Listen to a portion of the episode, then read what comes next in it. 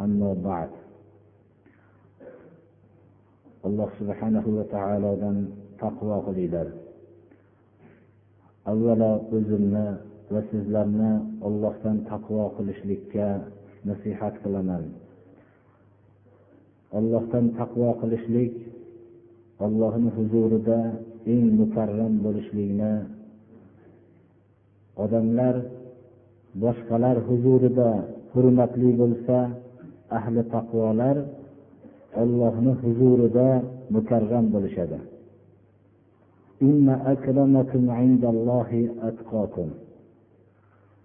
Taqvoning birinchi taqvo sifatiga ega bo'lishlik tavhid asosida bo'lmoqligi kerak. Alloh subhanahu va taoloni o'zigagina ibodat qilishlik bilan inson o'ziga taqvo sifatini hosil qiladi va shu ibodatida hech bir narsani sharik qilmasligi kerak. Va shu bilan birga o'zining farzandini ollohdan shirk allohga shirk keltirib qolishlikdan saqlanishligiga sabab bo'lmoqligi kerak. Alloh subhanahu va taolo luqmoni hakimni o'zining abadiy kitobida yod qilib bu luqmonni hakim hikmat egasi bo'lganligini va o'zini huzuridan hikmat berganligini bayon qilib u kishining hikmatli kishi bo'lishligi birinchi farzandiga shirk keltirmang deb qilgan nasihatini zikr qilyapti.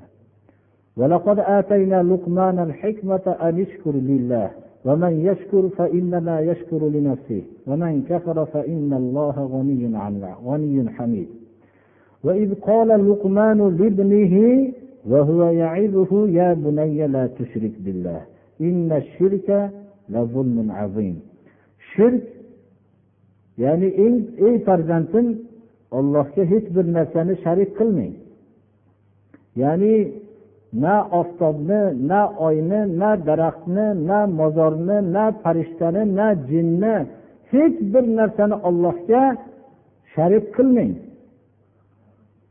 Shirk eng katta zulmdir. Zulm har bir narsani o'rnidan boshqa yerga qo'yishlik zulmdir.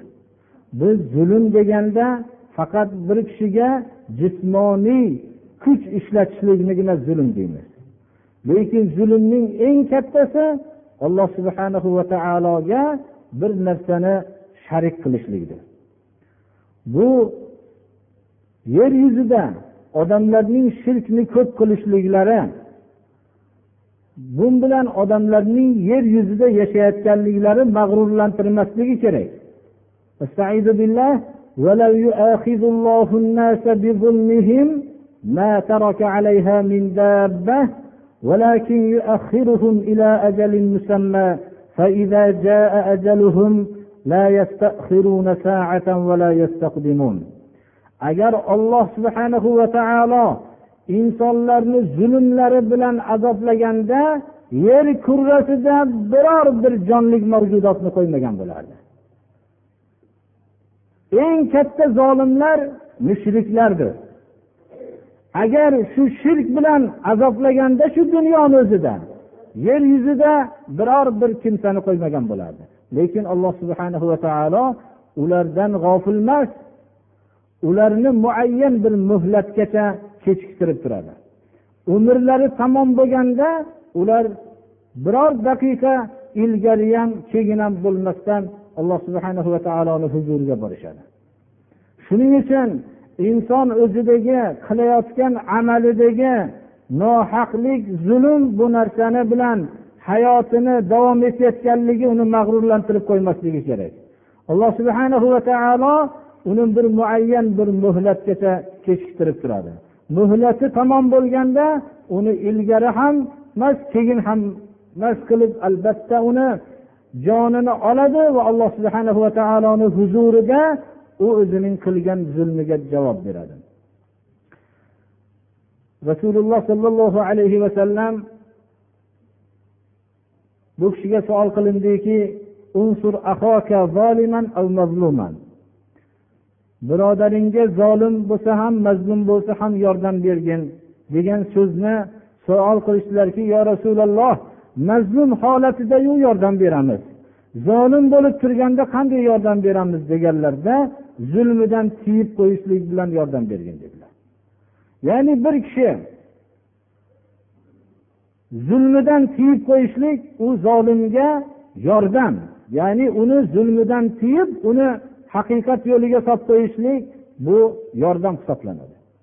Ya'ni zolim bo'lib tursa ham mazlum bo'lib tursa ham yordam bergin deganlarni ma'nosi biz shu qilayotgan ishida yordam bering degani emas. Bir kishi shariatga xilof ish qilayotgan bo'lsa uni to'g'ri yo'lga solib qo'yishlik bilan yordam bermoqligimiz kerak. Qilayotgan ishini bajarib berishlik bilan emas. Shuning uchun ham hatto ota onaga sodiq bo'lib xizmat qilishlikka buyurgan islom fuqarolarni fikrida mabodo bir kishini otasi mast qiluvchi ichimlikni olib kelib ber desa unga olib kelib berishlikdan ollohdan qo'rqaman desin deydi. Ya'ni u zolim turganida. Unga yordam berishlik kerak. Yordam berishlikni ma'nosi unga men bu ishni qilishlikdan ollohdan qo'rqaman deyishlik bilan yordam bermoqlik kerak. Mabodo shu mast qiluvchi ichimlikni ichib bo'lib shu narsani idishini tashlab yuborishlikka taklif qilgan vaqtida uni tashlab yuborishlikka islom ruxsat beradi. Ammo shariatga xilof ishni qilishlikka buyurgan vaqtida undan itoat qilmaslikka buyuriydi shuning uchun biz har bir narsadagi taqvo shariatga muvofiq bo'lgan amallarni qilish va shunda yordam berishlik taqvodir shariatga zid bo'lgan ishlarni qilmaslik va birov yordam so'rasa unga yordam bermaslik taqvodir mana shu taqvoga nasihat qilaman اللهم ارحمنا بالقرآن العظيم واجعله لنا ولا علينا حجة يا رب العالمين اللهم تقبل منا إنك أنت السميع العليم. برحمتك يا أرحم إن الحمد لله نحمده ونستعينه ونستغفره ونعوذ بالله من شرور أنفسنا ومن سيئات أعمالنا. من يهده الله فلا مضل له ومن يضلل فلا هادي له. وأشهد أن لا إله إلا الله وحده لا شريك له. وأشهد أن محمدا عبده ورسوله. أما بعد السلام عليكم ورحمة الله وبركاته.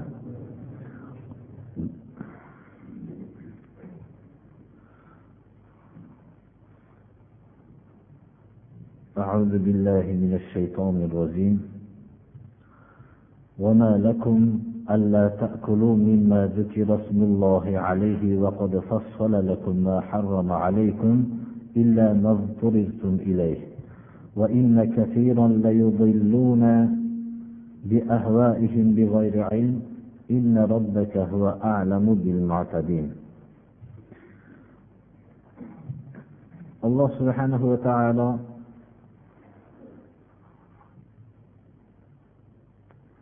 halol qilish va bir narsani harom qilishlikni ixtiyorini hech kimga bermadi. Halol qilish va harom qilish alloh subhanahu va taoloning o'zining ishidir. Agar kimda kim biror kishi olloh halol qilgan narsani harom desa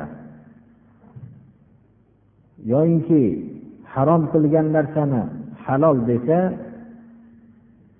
ulug'iyatni davo qilib iymondan chiqadi. Alloh subhanahu va taolo mana bu oyatda ollohni ismi aytib so'yilingan narsalarni nima uchun sizlar yemaysizlar vaholinki sizlarga olloh bayon qildiki harom qilgan narsalarni magar majburlik holatidagi holatlarni istisno qildi.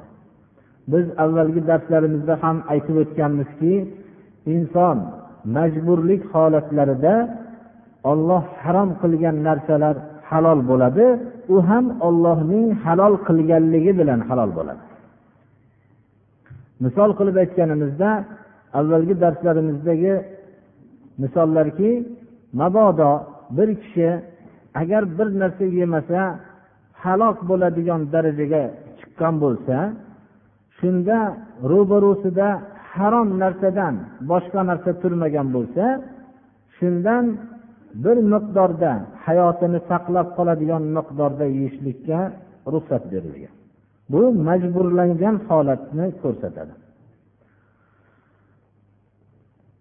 Zamoni johiliyatda kishilar har bir johiliyatda ollohni hukmini qabul qilmasdan munozara qilib mujodala qilganga o'xshagan mujodala qilishardi. O'zi o'lib qolgan hayvonni o'zlaricha olloh bizga so'yib bergan hayvon deyishardi. O'zlari so'ygan narsani ollohni ismi bilan so'ygan narsani yeyishlikka mo'minlar bu halol deb o'zi o'lib qolgan narsani haromligi qur'oni karimda bayon qilingandan keyin nimaga biz olloh so'ygan narsani yemaymizu bu narsa harom bo'ladiyu? Bizlarga odamlar so'ygan narsa halol bo'ladi deyishardi. Inson o'zining aqlini falsafasiga bo'ysunsa shu darajadagi noma'qul so'zlarni ham ma'qul qilib falsafa to'qib olaveradi. Ular o'zi o'lib qolgan hayvonni go'shtini odamlar so'ygan narsadan ko'ra halolroq deb e'tiqod qilishardi. Alloh subhanahu va taolo mana bu oyatda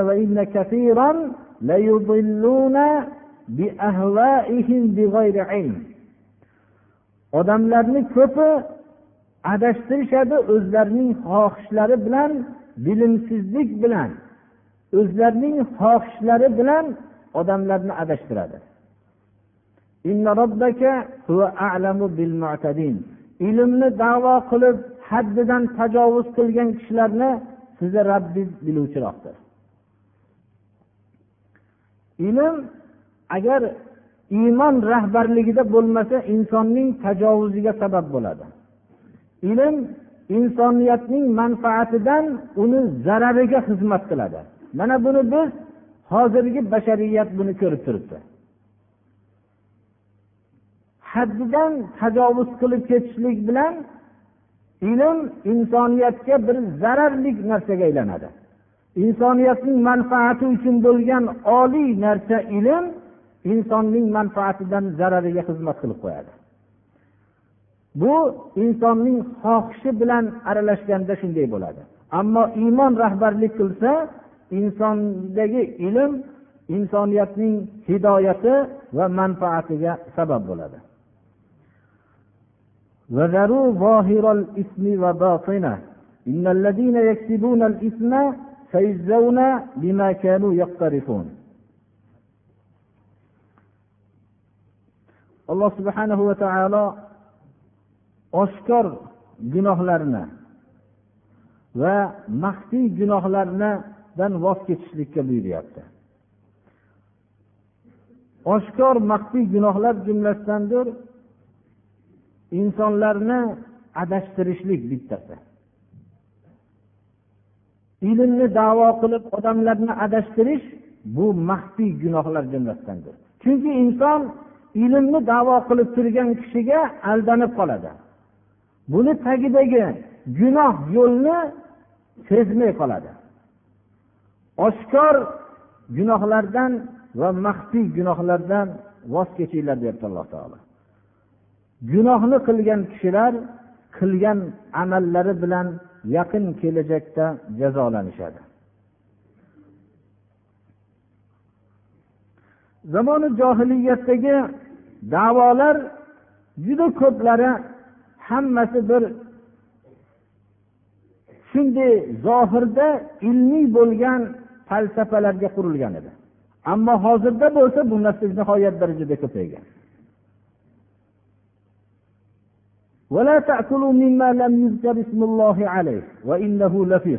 Ollohni ismi aytilmagan narsani mutlaqo yemanglar deyapti alloh taolo. Ollohni ismi aytilmasdan butlarni nomi aytilingan hayvonlarni go'shtini yeyishlikdan alloh subhana va taolo man qilyapti. Va bu bu amalning fisq ekanligida shak shubha yo'q deyapti.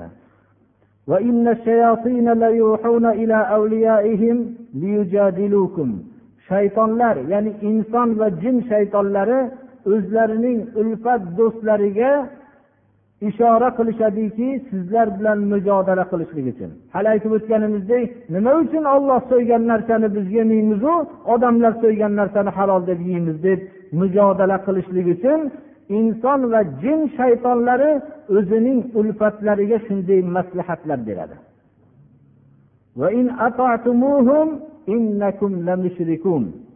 Halolni harom deyishlikda haromni halol deyishlikda agar sizlar odamlarning fikriga ergashsanglar sizlarning mushrik bo'lishliginglarda shak shubha yo'qdir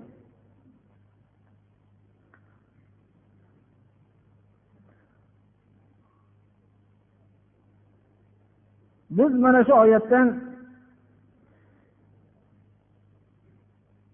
ibn kasirni o'zlarining tafsirlarida rivoyat qilgan narsani keltiramiz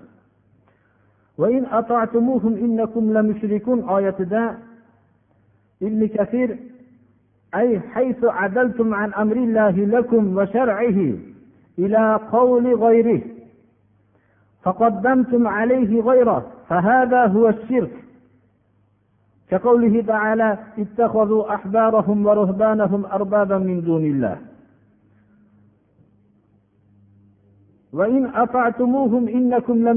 oyatini tafsirida ollohni buyrug'idan burildinglar ollohni sizlarga tuzib bergan shariatidan burildinglar boshqa odamlarning so'ziga va u boshqa odamlarni so'zini ollohni so'zidan muqaddam qildinglar bu ayni shirkdir bu Xuddi mana yahudlar nasorolar o'zlarining olimlarini so'zini qabul qilib tavrot injilni hukmini qabul qilishmagan edi. Alloh subhana va taolo mana bu oyatda yahudlar nasorolar o'zlarining olimlarini ollohni qo'yib rad qilib olishdi degan oyatni shular haqida nozil bo'ldi. Imom termiziy abi ibn dan rivoyat qilgan hadis shariflarda rasululloh sollallohu alayhi vasallamga bu asli bu hadisning tarixi shundan iborat ediki adi ibn hotim mashhur hotimtoyni o'g'li adi rasululloh sollallohu alayhi vasallamning huzurlariga kelganida singlisi targ'ib qilgandan keyin. Chunki singlisi asira bo'lib musulmonlarning qo'liga tushgan edi. O'zining hotimtoyni qizi ekanligini bildirgandan keyin rasululloh sollallohu alayhi vasallam odob sharifalari bu kishi biror bir qavmning kattasi kelsa hurmat qilardilar. Hotimtoy mashhurning qizi bo'lganligi uchun ko'p sovg'alar bilan berib ashoblardan ruxsat so'radilarki shuni ozod qilib javob berishlikni. O'zlari ozod qilib yubormadilar. O'zlarini haqlari bor deb bilmadilar. Shunda ashoblar rasululloh sollallohu alayhi vasallamning fikrlariga qo'shilishdilar. Ko'p hadiyalar berib xotintoyni qizini ruxsat berib ozod qildi. Shunda to'g'ri borib akasining oldiga adi ibn hotimni oldiga borib payg'ambarimiz sollallohu alayhi vasallamdek xulqni ko'rib men bu kishini haqiqiy payg'ambar deb bilaman. Borib u kishining suhbatini ko'rishligingizni sizdan iltimos qilaman degandan keyin abi ibn hotim rasululloh sollallohu alayhi vasallamning huzurlariga keldi. Abi ibn hotim nasoro edi. Bo'ynida but bor edi. Shu bilan kirib keldi. Rasululloh sollallohu alayhi vasallam abi ibn hotimni mana tarixlari bor ko'p hurmat qildilar lekin kirib kelayotganda bo'ynidagi butni ko'rganlaridan keyin oyatini o'qidilar ya'ni nasoro yahudlar o'zlarining olimlarini ollohni qo'yib rad qilib olishgan degan oyatni o'qidilar shunda abi ibn hotim so'radilarki yo rasululloh yahudlar nasorolar u o'zlarini olimlarga ibodat qilishmagan edi. deganlarida payg'ambarimiz sollallohu alayhi vasallam yo'q ibodat qilishgan edi dedilar إنهم أحلوا لهم الحرام وحرموا عليهم الحلال فذلك عبادتهم إياهم u yahud nasorolarning olimlari yahud nasorolarga halolni harom qilib berishardi haromni halol qilib berishardi Bular buni qabul qilishgan edi. Mana shu qabul qilganlari olimlarga bo'lgan ibodati ollohni qo'yib olimlarga ibodat qilganligi dedilar.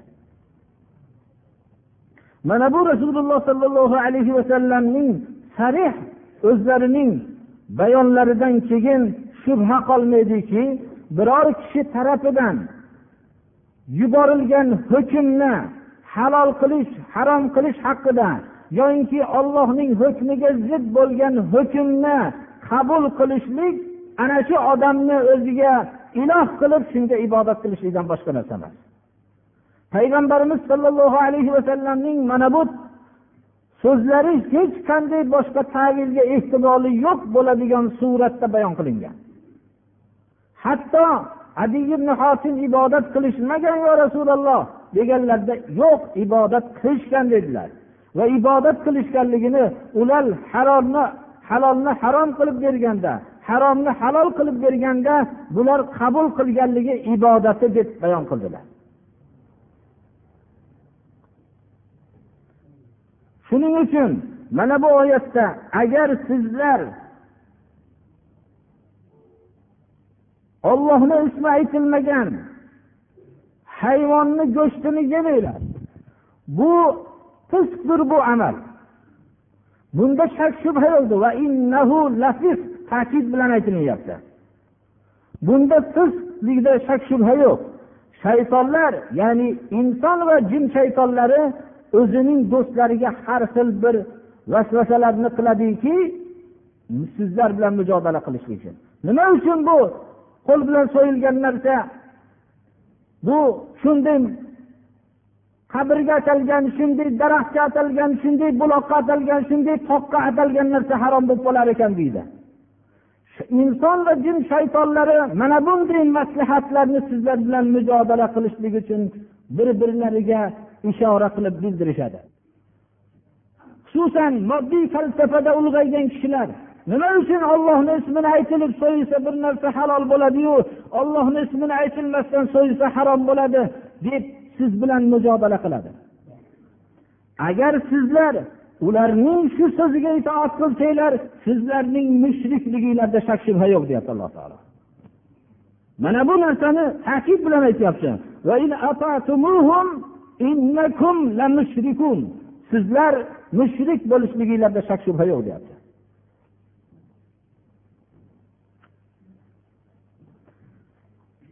Biz fiqhiy ixtilofotni so'yilingan hayvonning go'shtini musulmon kishi so'yganda birodarlar musulmon kishi so'ygandagi ba'zi bir fuqarolarning ixtilofini aytib o'tgan bo'ldik. Bu uchta fikrni avvalgi darsimizda bayon qildik. O'sha avvalgi darsimizga murojaat qiladi. Kim bilmoqchi bo'lsa uchta fikrni bayon qilgan bo'ldik. أومن كان ميتا فأحييناه وجعلنا له نورا يمشي به في الناس كمن مثله في الظلمات ليس بخارج منها. كذلك زين للكافرين ما كانوا يعملون. Alloh subhanahu va taolo mana bu oyatda kufr bilan iymon tabiatini qiladi. Va har bir katta shaharlarda mushrik kofirlarning kattalarini vujudga keltirganligi haqida. Ular makr hiylalar qilishlik uchun. Insonlarni bu kibr balosiga giribtor bo'lgan kishilar odamlarni hidoyat yo'lidan har har xil makrlar bilan to'sishligini bayon qiladi. Va kufrning tabiati nima iymon tabiati nima ekanligini bayon qiladi. Kufr azaliy abadiy bo'lgan quvvatdan ajralib yashashlikdir. Hayotni hayvoniy tasavvur bilan tasavvur qilishlikdir. Kufr hayot shu turgan narsa va shu hayotdan keyin mutlaqo boshqa hayot yo'q deyishlikdir. Shu o'zining hayotini hayvonlarning hayoti bilan yemoq ichmoq va jinsiy aloqaning o'ziga cheklab yashashlikdir. Shunday ajoyib olamni va bu olamdagi ajoyib bir insonning hayoti shunchalik katta dunyo shunchalik qisqa bir muddat uchun yaratilingan deb tasavvur qilishlikdir. Bu go'yoki o'limni misolidir. Ya'ni o'lik hayotdir. Agarki hayot bilan o'lim o'rtasida bir qarama qarshilik bo'lsa ham go'yoki bu nihoyatda bir tuban bir hayotdir. Alloh subhana va taoloni kufr egasini o'lik shaxsga o'xshatyapti.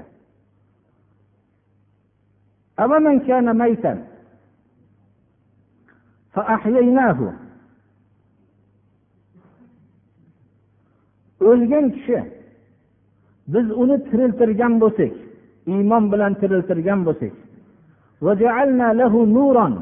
unga bir nur qilib hidoyat nurini bergan bo'lsak odamlar ichida bu nur bilan yashasa. Bir tarafda shunday kishi alloh subhana va taolo tiriltirgan va unga iymon hidoyat nurini bergan. Odamlar o'rtasida shu nur bilan yashayapti. Ikkinchi tarafda bir kishi borki zulmatda turibdi. Bitta zulumotda emas. Bir necha zulmatlarda havo zulmotida jaholat zulmotida nifoq zulmotida shirk zulmotida va kufr zulmotida turgan odam. Hargiz bu zulmotlardan chiquvchi emas shu zulmotlarni ichida qolib ketgan kishi. Ro'baro'da shunday turgan ikkita odam barobar bo'ladimi? Mutlaqo barobar bo'lmaydi. Lekin ming afsuslar bo'lsinki shuncha zulmatda yashayotgan kishi o'zini iymonli kishidan ortiq deb biladi. O'zining qilayotgan ishlarini iymonli kishining amalidan ortiq amallar qilyapman deb davo qiladi. U o'zining qilayotgan ishlari ziynatlik bo'lib ko'rinadi. Hattoki iymon bilan islom bilan yashayotgan kishini tuban kishi va bu qoloq kishi deb tasavvur qiladi. Shu darajada kofirlarga qilgan amallari ziynatli qilib ko'rsatilgan. Mutlaq bir amalga o'xshamaydigan narsani ular yaxshi amal deb ziynatli qilib ko'rsatilingan shularga dunyoda agarki aql dunyodan o'zi yo'g'ib ketsa ham bir kishi o'zini beaql deb sanamaydi birodarlar. O'zi aql aslida yo'q bo'lib ketganda ham birov beaqlman deb sanamaydi. Qozini oldida bir yahudiy bilan musulmon turib musulmon kishi agar shu qasam talab qilinganda shu so'zim yolg'on bo'lsa yahudiy bo'lib o'lay desa yahudiydan qasam talab qilinganda agar shu so'zim yolg'on bo'lsa musulmon bo'lib o'lay deb qasam ichgan. Ya'ni inson shunchalik o'zining qilayotgan amalini havosi sababli shunchalik ziynatli qilib ko'radi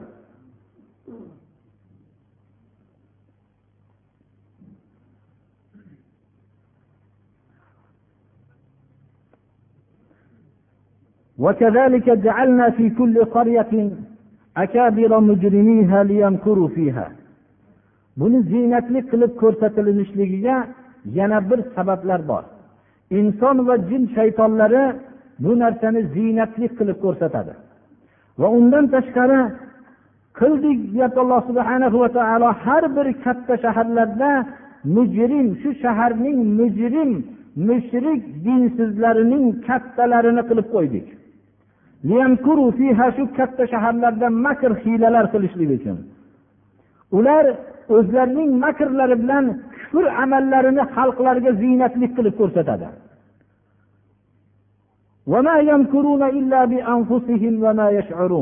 O'zlaridan boshqaga makr qilishmaydi ular lekin bu o'zlariga makr qilayotganligini sezishmaydi. Hayotda qaysi bir shaharda katta kishi dinsizlikni ziynatlik qilib ko'rsatgan bo'lsa bunga tamomiy makr hiylalarni ishlatgan bo'lsa tarixga nazar tashlansa malun bo'lib qolib ketdi birodarlar.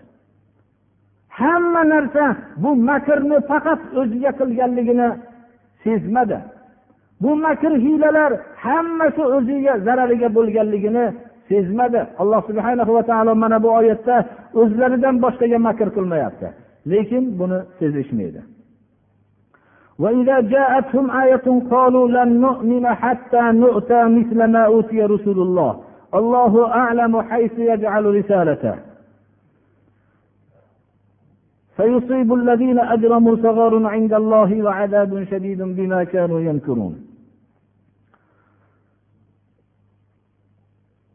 rasululloh sollallohu alayhi vasallam payg'ambar bo'lganlarida bu kishi yatim qolgan edilar bu kishi boshqa xonadonda tarbiya topgan edilar arablarning odatlariga binoan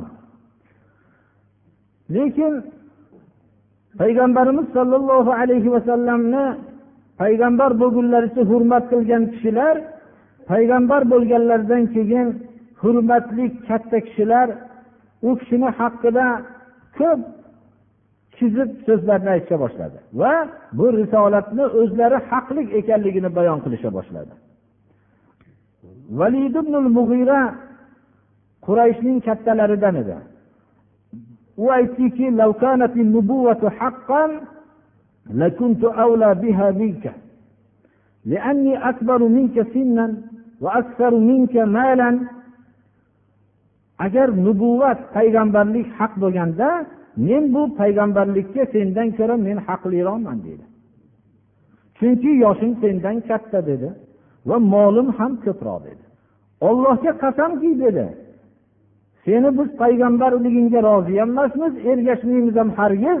Magar bizga ham unga senga vahiy kelayotgandaqa bizga ham vahiy kelsa ergashamiz deyishdi.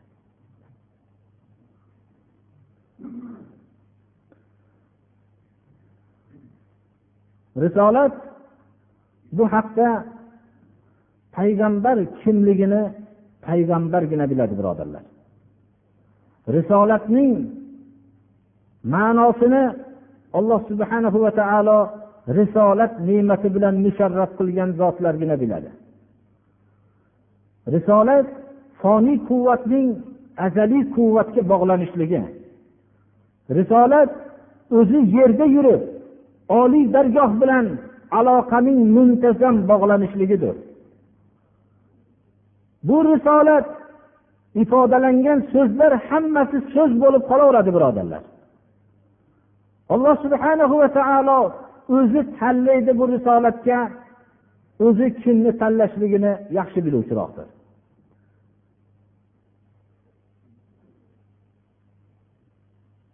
Ularga biror bir mo'jiza kelsa aytishadiki biz bu mo'jizaga iymon keltirmaymiz hatto ollohni elchilariga berilingan mo'jizalardan bizga ham berilsa iymon keltiramiz deyishadi. agar mo'jiza kelmasa mo'jiza talab qilishadi mo'jiza kelsa bizga ham shu mo'jiza bo'lsa iymon keltiramiz deyishadi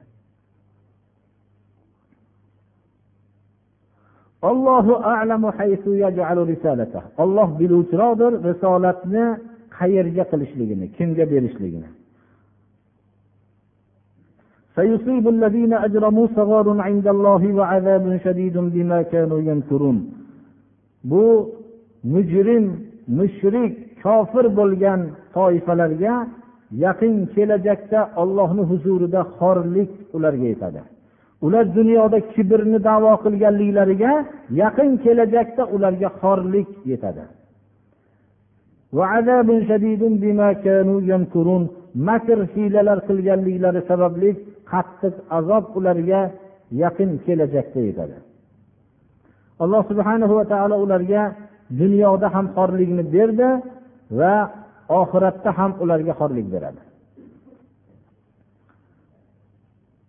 mana bunday payg'ambarlar yo'lini inkor qilib payg'ambarlardan bizni nima kamligimiz bor ekan degan davogirlar dunyoda xor bo'lganligi keyingi tarixlarda ham ma'lum bo'lgan birodarlar فمن يريد الله أن يهديه يشرح صدره للإسلام ومن يريد أن يضله يجعل صدره ضيقا حرجا كأنما يصعد في السماء كذلك يجعل الله الرجس على الذين لا يؤمنون alloh subhanahu va taolo bir kishini hidoyat qilishlikni maqsad qilsa o'zining sunnatiga muvofiq alloh subhanahu va taolo bir kishini hidoyat qilishlikni hidoyatga rag'bat qilishligi bilan uni hidoyat qilishlikni iroda qiladi bir kishini o'zining sunnatiga muvofiq hidoyat qilishlikni xohlasa uning qalbini islomga ochib qo'yadi. Islom so'zlarini eshitganda rohatlanadigan shuni qabul qiladigan qilib qo'yadi. Alloh subhanahu va taolo o'zining sunnati yo'liga asosan adashtirishlikni xohlasa uni qalbini tang qilib qo'yadi. Doim haraj diqqat bo'ladigan qilib qo'yadi islom so'zlarini eshitganda.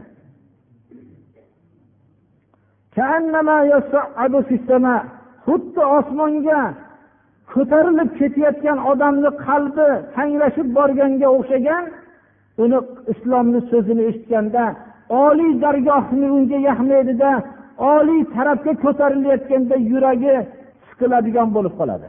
Xuddi tepa tarafga ko'tarilayotgan insonning o'zi ham qalbi tanglashib borgandek.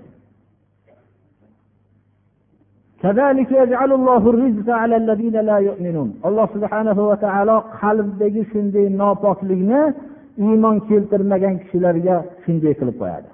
Nopoklik nopoklik nopok qalblarga munosib. Poklik pokiza qalblarga munosib. Ba'zi ulamolar bu oyatni tafsirida bir ilmiy bahsni ham keltirishadilarki osmonga ko'tarilib ketayotgan kishi mana hozir fazo ilmi kashf bo'lgandan keyin ma'lum bo'ldiki inson tepaga ko'tarilgan sari yuragi tanglashib nafas olishligi qiyinlashib bo'g'ilib borganligini hozirgi fan ham isbot qilmoqda. Tepaga ko'tarilgan sari havo yetishmasdan uni havo qalbi tanglashib nafas olish yo'li qiyinlashib qalbi tanglashib borganligini hozirgi fan ham isbot qilyapti.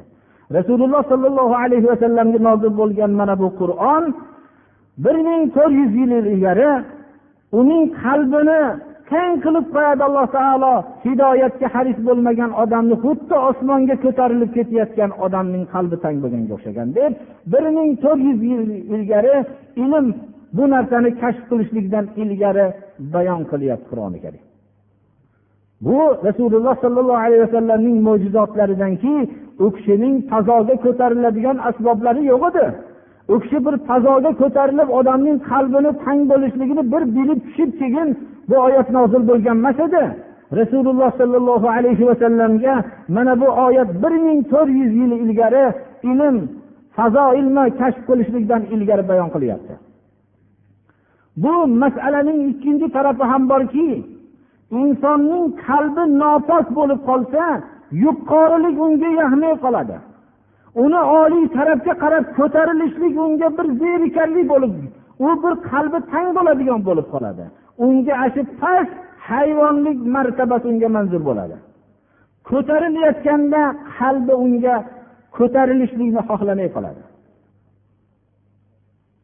Haqiqatda ham hozirgi vaqtda ba'zi bir islomiy haqiqatlarni bayon qilib ey birodar shu islomni bilgin desangiz bunday pokiza hayotdan zerikadi uning pokiza hayotni eshitishlikda qalbi tang bo'ladi ammo nopok hayvon bo'lsa nopok bir yo'l bo'lsa butun nopok yo'l bilan hech qachon zerikmasdan qalbi nihoyatda xursand bo'lib turaveradi.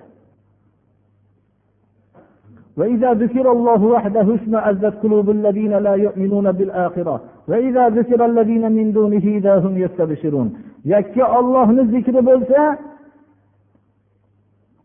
oxiratga iymon keltirmagan kishilarning qalbi jirkanadi ammo ollohdan boshqani zikri bo'lsa bir xursand bo'lib yozilib ketishadi islomiy haqiqatlar qur'oni hadisdan gapirsangiz nihoyatda qalbi zerikib turadi ammo bir oldilariga yoyinki o'ynaydigan karta boshqa bir bema'ni o'yinlar qo'ysa bir yozilib ketishadi.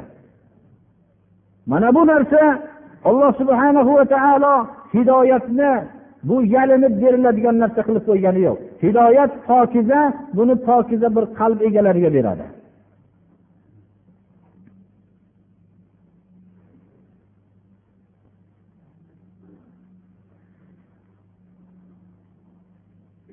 وهذا صراط ربك مستقيما قد فصلنا الآيات لقوم يذكرون alloh subhanahu va taolo mana bu yo'llarni bayon qilib bu sizning robbingizni yo'li to'g'ri bo'lgan holatdagi yo'li oyatlarni tafakkur qilgan kishilarga bayon qilib berdik oyatlar tafakkur qilgandagina ollohning oyatlari mo'jizalari ekanligi bilinadi Ollohni oyatlarini tafakkur qilgan kishilarga robbilarining huzurida dorisalom salomatlik uyi ya'ni jannat bor. Bu jannat ularning o'ziga xosdir. Olloh ularning hojati.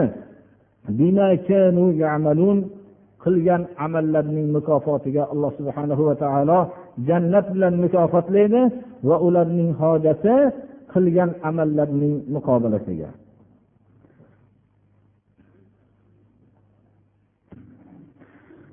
Bu yerda bir ikkita savollar bo'libdi ba'zi savollar takrorlanadigan bo'lgani uchun javob bermaymiz. Ba'zilariga bittasiga javob beramiz. Uydagidan ham beriladimi yoki dalada yetishtirilgan ekinlardan beriladimi? Ushur haqida so'rabdi bu kishi. Bu yerda ushur haqidagi masala shuki ushur o'ndan bir berilishlik. Yerda ekilgan narsalarni o'ndan birini alloh subhanahu va taoloning yo'lida fuqarolarga muhtojlarga beriladi. Muhtoj qarindoshlarga berilsa yaxshi bo'ladi. Muhtoj deb zakotga qodir emas kishilarga va nisobga bir yilda bir marta bo'lsa ham molik bo'lmagan kishilarni ushur va zakotga ushur va zakot beriladigan kishilar deb hisoblanadi.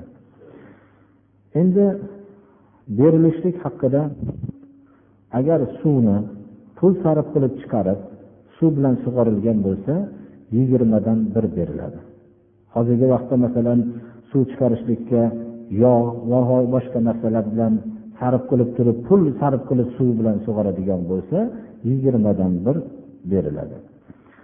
Agar suv o'zi tekin bo'lib katta daryoni suvlari bilan oqib kelingan bo'lsa hech qanday bunga pul sarf qilmasdan suvni sug'orsa o'ndan bir beriladi.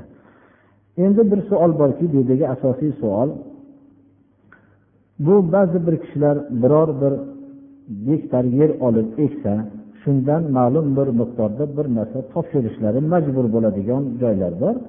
Bu narsa haqida ulamolar ixtilof qilishgan.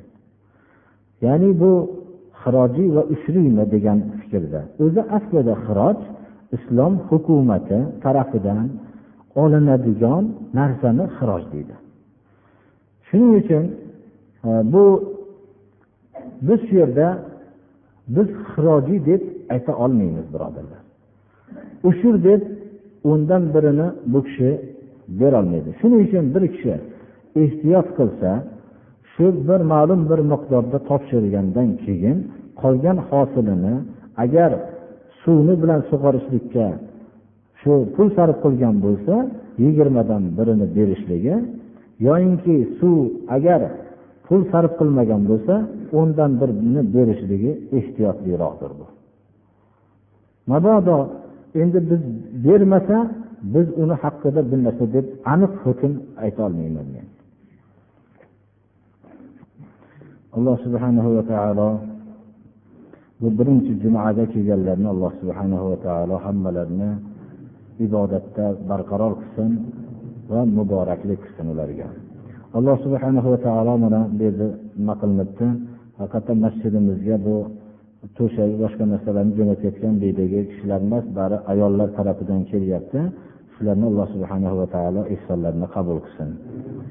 Ho'p alloh subhanahu va taolo ba'zi bir kishilar bir shifo talab bo'lishligini alloh taolodan so'rab duo qilinglar dedilar. Alloh taolo dardlariga shifo bersin. Hamma ahli islomning dardlariga alloh taolo shifo bergan bo'lsin. Bu balolardan ham alloh taolo o'zi saqlasin. Gaplarga muvofiq uni o'qib o'tirmasdan hammasini javob berib qo'ydik. Ba'zilariga javob bermadik avvalda javob bergan edik. Ey aziz mo'min birodarlar alloh subhanahu va taolodan taqvo qilinglar. Alloh subhanahu va taolo qur'oni karimda eng ko'p yod qilgan kalima taqvo kalimasidir va sabr kalimasidir. Aslida olloh yo'lidagi xizmatda sabr qilishlik ham o'zi taqvo jumlasidandir. Taqvo alloh subhana va taolo huzurida eng mukarram bo'lishlikka va hamda alloh subhana va taoloning muhabbatiga sazovor bo'ladigan sifatdir. Inna akramakum indallohi atqokum innalloha yuhibbul muttaqin. Taqvo qur'oni karimning hidoyat pardasini ochib hidoyat ekanligini bilishligiga ham sabab bo'ladi. Hudan lil muttaqin va oxiratdagi kelajak ham oqibat ham muttaqillarning o'ziga xoski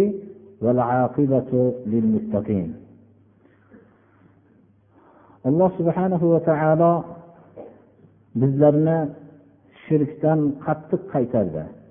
shirk alloh subhanahu va taolo mutlaqo kechirmasligini bayon qildi إن الله لا يغفر أن يشرك به ويغفر ما دون ذلك لمن يشاء ومن يشرك بالله فقد ضل ضلالا بعيدا shirkni alloh subhanahu va taolo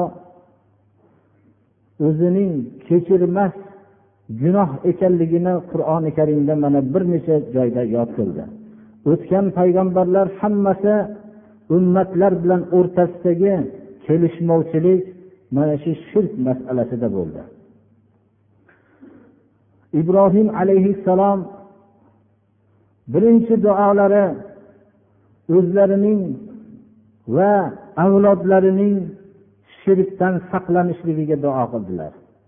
وجنبني وبني أن نعبد الأصنام رب إنهن أضللن كثيرا من الناس فمن تبعني فإنه مني ومن عصاني فإنك غفور رحيم xudoyo meni va avlodlarimni butlarga ibodat qilishlikdan chetlatgin ya'ni ulardan mutlaqo meni boshqa tarafga qo'ygin deb duo qildilar ibrohim alayhissalomning duolariga bir diqqat berar ekanmiz doim o'zlarining avlodlarini esga oldilar وإذ ابتلى إبراهيم ربه بكلمات فأتمهن قال إني جاعلك للناس إماما قال ومن ذريتي alloh subhanahu va taolo ibrohim alayhissalomni imtihon qildi imtihonda bu kishi muvaffaqiyat qozondilar shunda ey ibrohim men sizni odamlarga imom qilmoqchiman imom qilaman deganda xudoyo zurriyotimdan ham imomlarni qilgin dedi.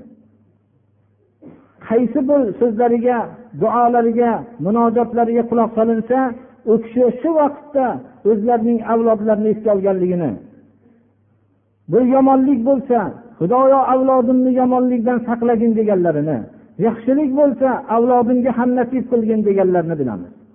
hatto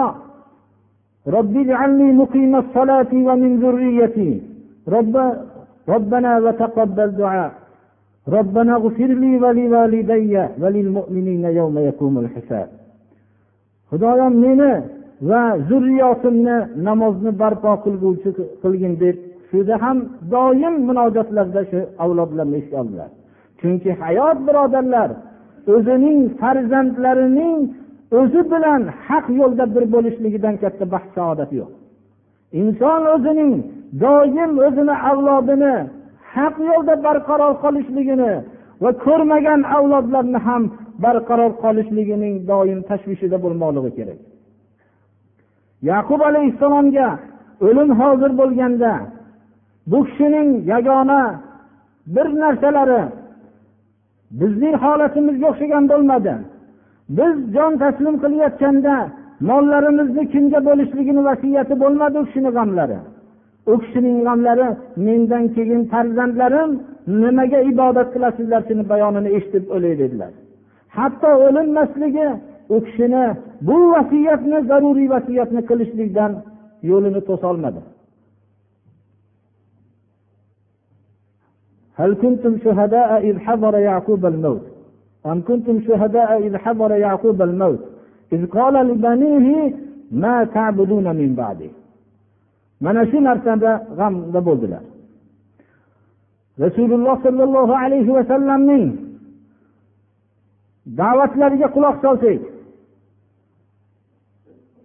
doim u kishi ummatning g'amida bo'ldilar bu kishi tamomiy ummatni g'amida tashvishida bo'ldilar hattoki ashoblarni ogohlantirgan vaqtlarida dedilar. Sizlarni ustinglarda ya'ni kimlarga xitob qilyaptilar? Mollari jonlarini vatanlarini hammasini dinni yo'lida tutgan zotlarga qarab xitob qilyaptilar. Rasululloh sollallohu alayhi vasallamning eng yaxshi ko'rgan zotlarga qarab xitob qilyaptilar. Rasululloh sollallohu alayhi vasallamga bir tikon kirishlikdan ko'ra o'zlarining jonlarini qurbon qilishlikni afzal ko'rgan zotlarga qarab xitob qilyaptilar. Rasululloh sollallohu alayhi vasallam tamomiy iymon yo'lida otalari farzandlari qarindoshlaridan voz kecholmagan zotlarga xitob qilib sizlarni ustinglarda eng tashvish qiladigan narsam ashirkul asg'ar dedilar. Kichkina shirkdan qo'rqaman dedilar. Rasululloh sollallohu alayhi vasallamdan kichkina shirk nima deb savol qilinganda riyo dedilar. Riyo kichkina shirk dedilar. Shu zotlarni ustida shu riyodan qo'rqdilar. Birodarlar rasululloh sollallohu alayhi vasallam sahobalarni ustida shundan qo'rqqan bo'lsalar bizning holimizga nima? biz dinimiz uchun biror narsamizni berolmaymiz birodarlar alloh subhanahu va taolo shirkni o'zini kalomida ko'p yod qildi agar shirk amalini qilishsa ularning qilgan amallari habat bo'ladi فكأنما خر من السماء فتخطفه الطير أو تهوي به الريح في مكان صحيح agar kim ollohga bir narsani sharik qilgan bo'lsa go'yoki baland bir osmondan tushib ketdi tushib ketib ham qushlar uni har tarafidan cho'qib xohlagandaqa cho'qib olib ketibdi. Yoyinki u yerga tushganda mayda bo'ldiki shu darajadaki shamollar uni uchirib tashlaydigan darajada mayda bo'lib ketgandan farqi yo'q deyapti. Alloh subhana va taolo shirkdan shunday ogohlantirdi. shirk shunday amalki shirk amalni qilgan odamning boshiga shuncha qattiq musibat tushibdi birodarlar ومن يشرك بالله فقد حرم الله عليه الجنة ومأواه النار وما للظالمين من أنصار kim shirk amalini qilgan bo'lsa alloh subhanahu va taolo unday mushrikka jannatni harom qilgan uning joyi do'zaxdir rasululloh sollallohu alayhi vasallamning butun tashvishlari mana shu shirkil asg'ardan bo'ldi. Ammo bizni islom ummati deb atalgan hozirgi xalq o'zi shirki akbarga qarab ketyapti birodarlar. Biz shirklarni bayonini o'tgan darslarimizda xutbalarimizda bayon qildik. Lekin har bir xutba shirkdan ogohlantirishlikka bir o'zi arziydi. Har bir kishi hayotida o'zining amallarida har bir qilayotgan harakatlarda shirkdan ehtiyot bo'lmoqligi kerak.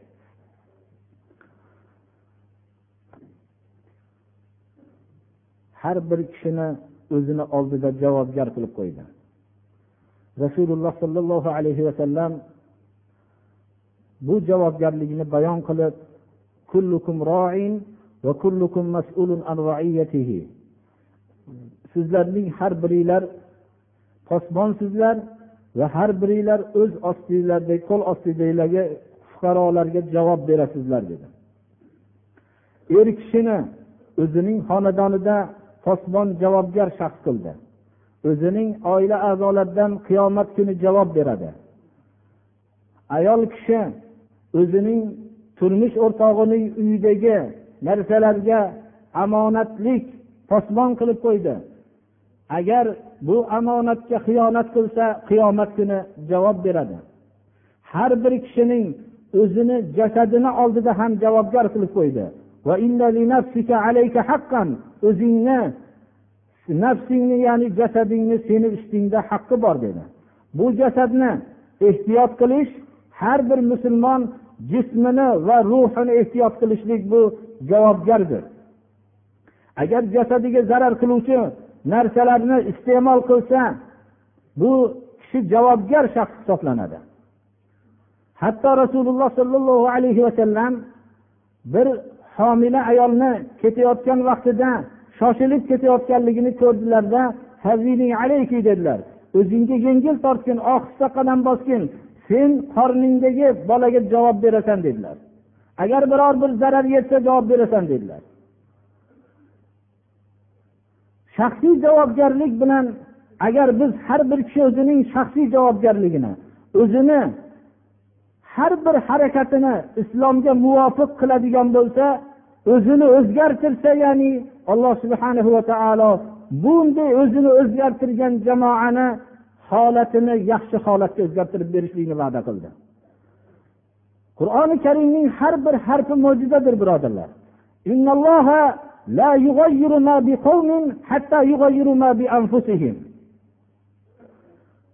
Alloh subhanahu va taolo avvalgi tag'yirni